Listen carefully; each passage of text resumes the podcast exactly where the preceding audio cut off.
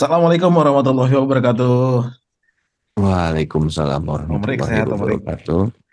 Sehat, alhamdulillah. Mas Anjar, gimana kabarnya? Alhamdulillah sehat Om. Alhamdulillah. Spesial nih Om, kita live podcast pas eh, pertandingan Juve lawan Nang.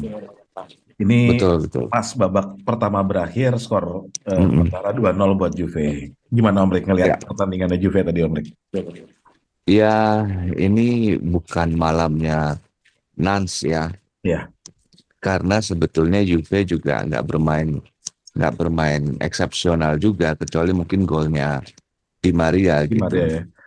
Ya, kalau misalnya Nans tidak kena red card atau cuaca tidak hujan, mungkin ceritanya akan akan berbeda karena biasanya kita itu suka menyakiti diri sendiri gitu. Tapi kalau malam ini kelihatannya memang Dewi Fortuna sedang berada di sisi kita kalau aku ngelihatnya sih gitu. Iya, sebenarnya mainnya juga nggak apa ya, dibilang full press juga jaraknya terlalu jauh. Iya, iya, Banyak long ball juga gitu ya. iya. Tapi Masih banyak salah pengertian juga sih kelihatannya. Tapi ya benar-benar memang bukan malamnya Nans gitu, jadi semuanya berjalan baik buat kita. Tapi setuju nggak Om Rik kalau semua ini terjadi karena Di Maria gitu. Golnya Di Maria tuh ngancurin mental apalagi di menit-menit awal golnya bagus Mm-mm. banget. Terus eh, di malam ini Di Maria tuh dijadiin playmaker sama Allegri.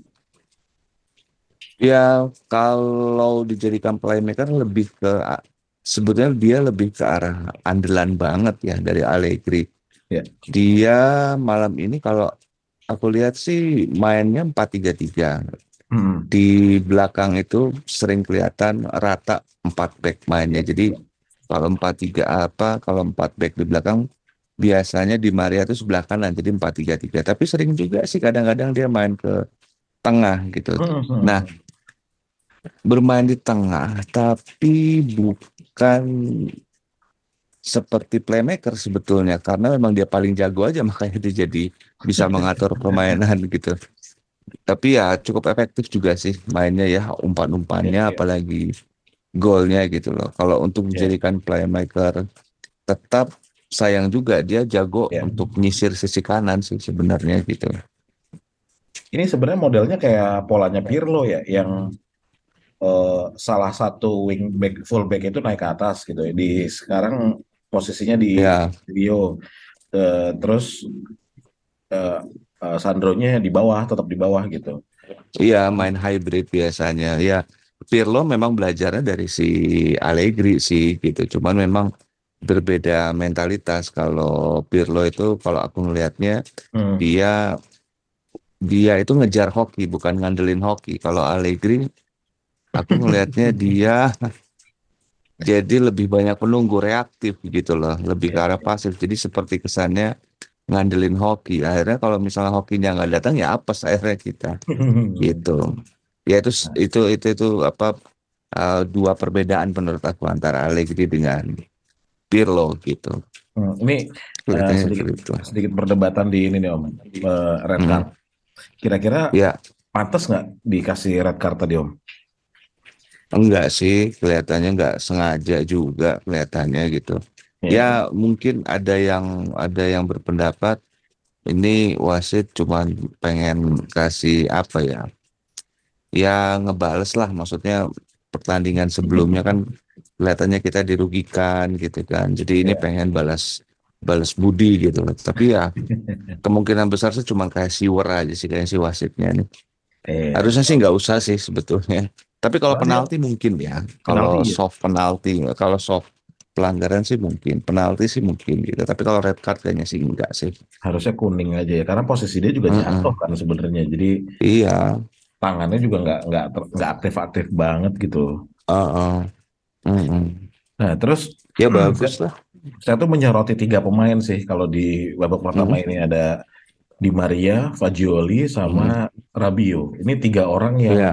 Bikin lini tengah Juve yang selama ini permainannya Juve tuh lini Mhm. tengahnya mati gitu. Nah ini Betul, tuh betul. banyak, passing-passing ajaibnya Fagioli, pergerakannya. Rabiot yang naik turun eh, vertikal naik turun gitu. Terus eh, Iya, dia tuh banyak banyak bikin eh, nge- ngeblok bola juga, terus banyak bikin peluang juga. iya. Sayang sundulannya nggak bikin gol. Nah, kalau Om Rik Eh, ngelihat siapa yang yang makin kelihatan makin bagus tokcer dua ya kelihatannya ya.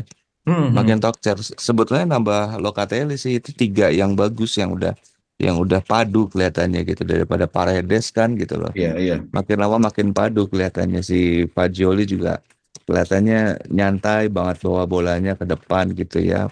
Hmm. Oper kanan kiri kelihatannya enak. Cuman yang kasihan posisinya itu eh, Kostic.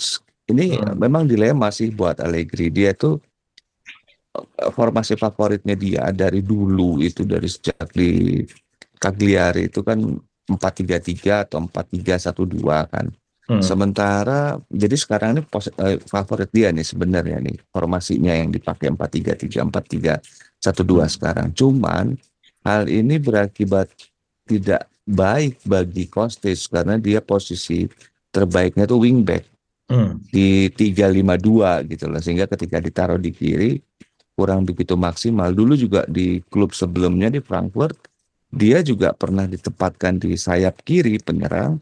Itu Hmm. nggak efektif sehingga dipindah ke back kiri gitu loh. Baru bisa efektif. Nah sekarang nih kasihan Kostic sebetulnya. Mungkin nanti di babak kedua bakal diganti. Kane itu lebih baik masuk posisi sayap Vlahovic yang main atau siapalah gitu ya. Hmm. gitu. Dilema juga sih sebenarnya Nah, buat tapi kan Allegri kalau ngomongin Ken, saya ngerasa pemain ini, ya pemain ini pas awal masuk line up juga, eh, saya, saya sendiri juga agak kaget gitu sama Ken ya. Kan kayaknya nggak ada masalah sama Vlahovic gitu ya. Terus tadi Kalau- beberapa performanya Ken ini om, Hmm, apa ya? Saya saya ngelihatnya dia tuh masih nggak pede, terus ngerasa kelihatan frustasi gitu. Banyak iya iya bola gagal, ketika kosong nahan bola kena tangan gitu.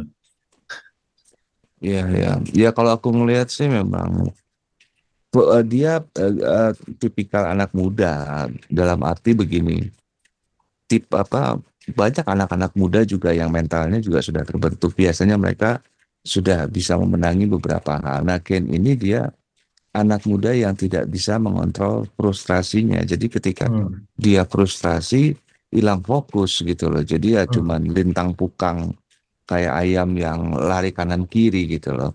Tapi kalau aku sih melihatnya dia dijadiin starter tuh memang fungsinya untuk ngabisin tenaga back back gitu loh. Dia kan memang kuat fisiknya kan gitu Iya. loh. Jadi nanti mungkin akhir-akhir ya pertengahan babak kedua mungkin kalau dia nggak dipindah ke kiri untuk untuk bawa lawan untuk lari gitu ya Hmm.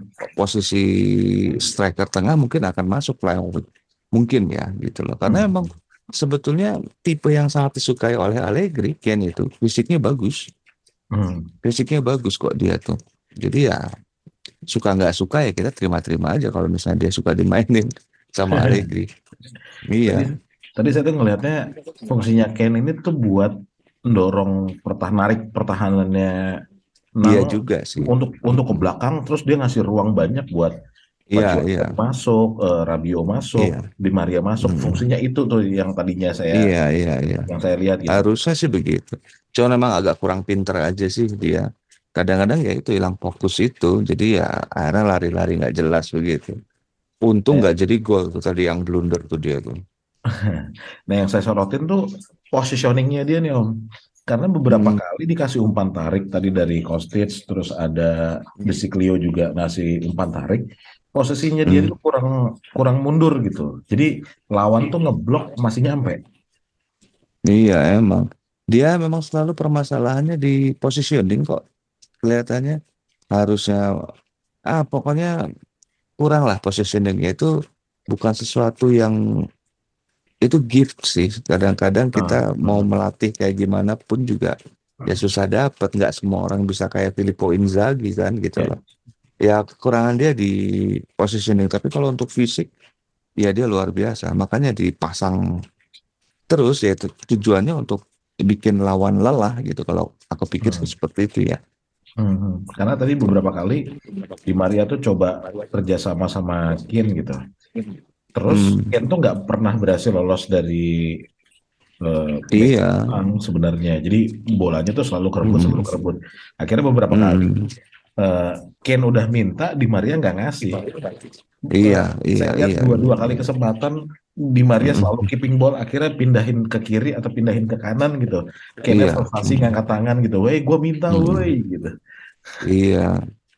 Ya memang akhirnya kepercayaan dari teman-temannya juga sulit gitu. Karena memang kan gimana ya untuk jadi striker tengah susah diandalkan gitu loh. Hmm. positioningnya nggak bagus body balance mungkin oke tapi untuk keeping the ball-nya nggak bisa gitu loh. Pengambilan keputusannya juga dipertanyakan. Jadi memang kalau mau efektif mungkin ya taruh aja di sayap gitu yang memang tugasnya lari-lari buat ngabisin tenaga lawan gitu loh kalau aku pikir sih Iya, memang tugasnya lebih pas ke sana gitu.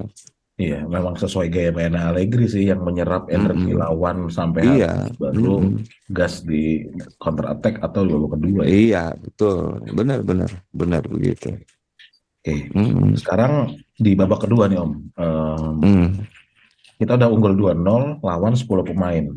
Ini di atas Ah, kertas ya, harusnya lolos gitu. Di harusnya lolos. Nah, Iya. kira-kira siapa prediksinya Om Rek pemain yang akan dimasukin di babak kedua? Siapa yang akan diganti? Ataukah Paredes paling masuk. Paredes ya? Paredes masuk paling terus Vlahovic paling buat ngasih dia jam terbang lah gitu. Hmm, hmm. Di Maria pasti keluar kok itu buat Iya, iya, buat buat lawan Torino nanti kan. betul, Paling betul. begitu sih. Karena- Yang penting fokus aja lah jangan sampai kebobolan. Iya. Sebenarnya kalau ngeliat skillnya Nang juga biasa-biasa aja sih sebenarnya. Iya, banyak ruang terbuka juga kok. Nggak istimewa kok Nans itu sebetulnya. Ya, benar-benar benar. Hmm. Oke Om Rik, nanti kita Oke, kalau masih bangun kita ketemu di akhir babak Siap. Om Rik ya. siap, siap, siap, siap, siap, siap. Terima kasih teman-teman pendengar oke. podcast. Terima kasih pendengar Sinar Podcast. Nanti kita ketemu lagi di Thank babak you. kedua. Kita break dulu. Thank you Om Rik. Siap. Thank you, Mas Anjar.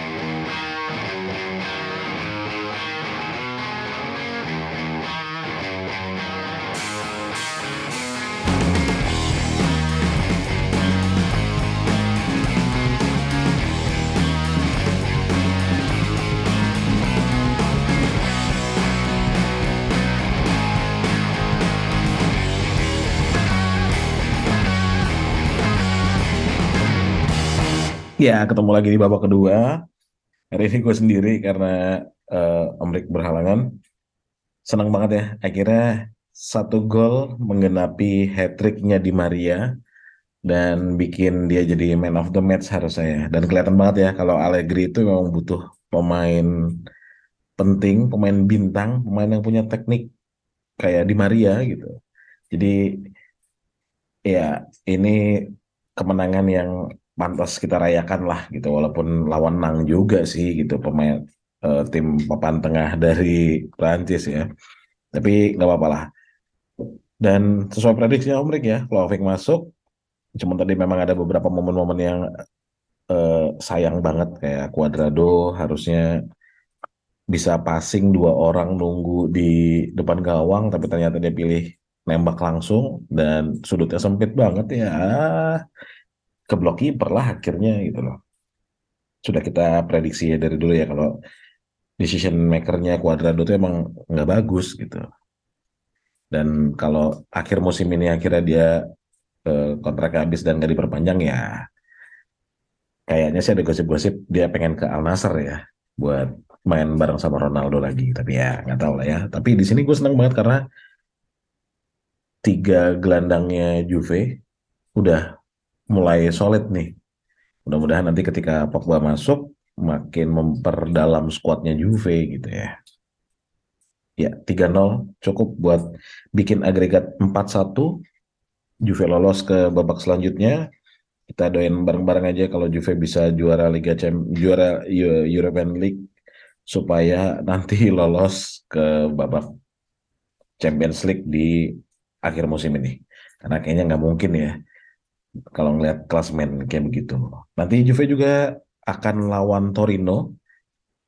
Ini juga akan seru juga duel papan tengah ya kalau di klasmen. Ya harusnya sih endingnya Juve bisa menang dan terus ngerangsek ke papan atas lagi. Terima kasih buat pendengar Sinyora Podcast semua yang udah dengerin.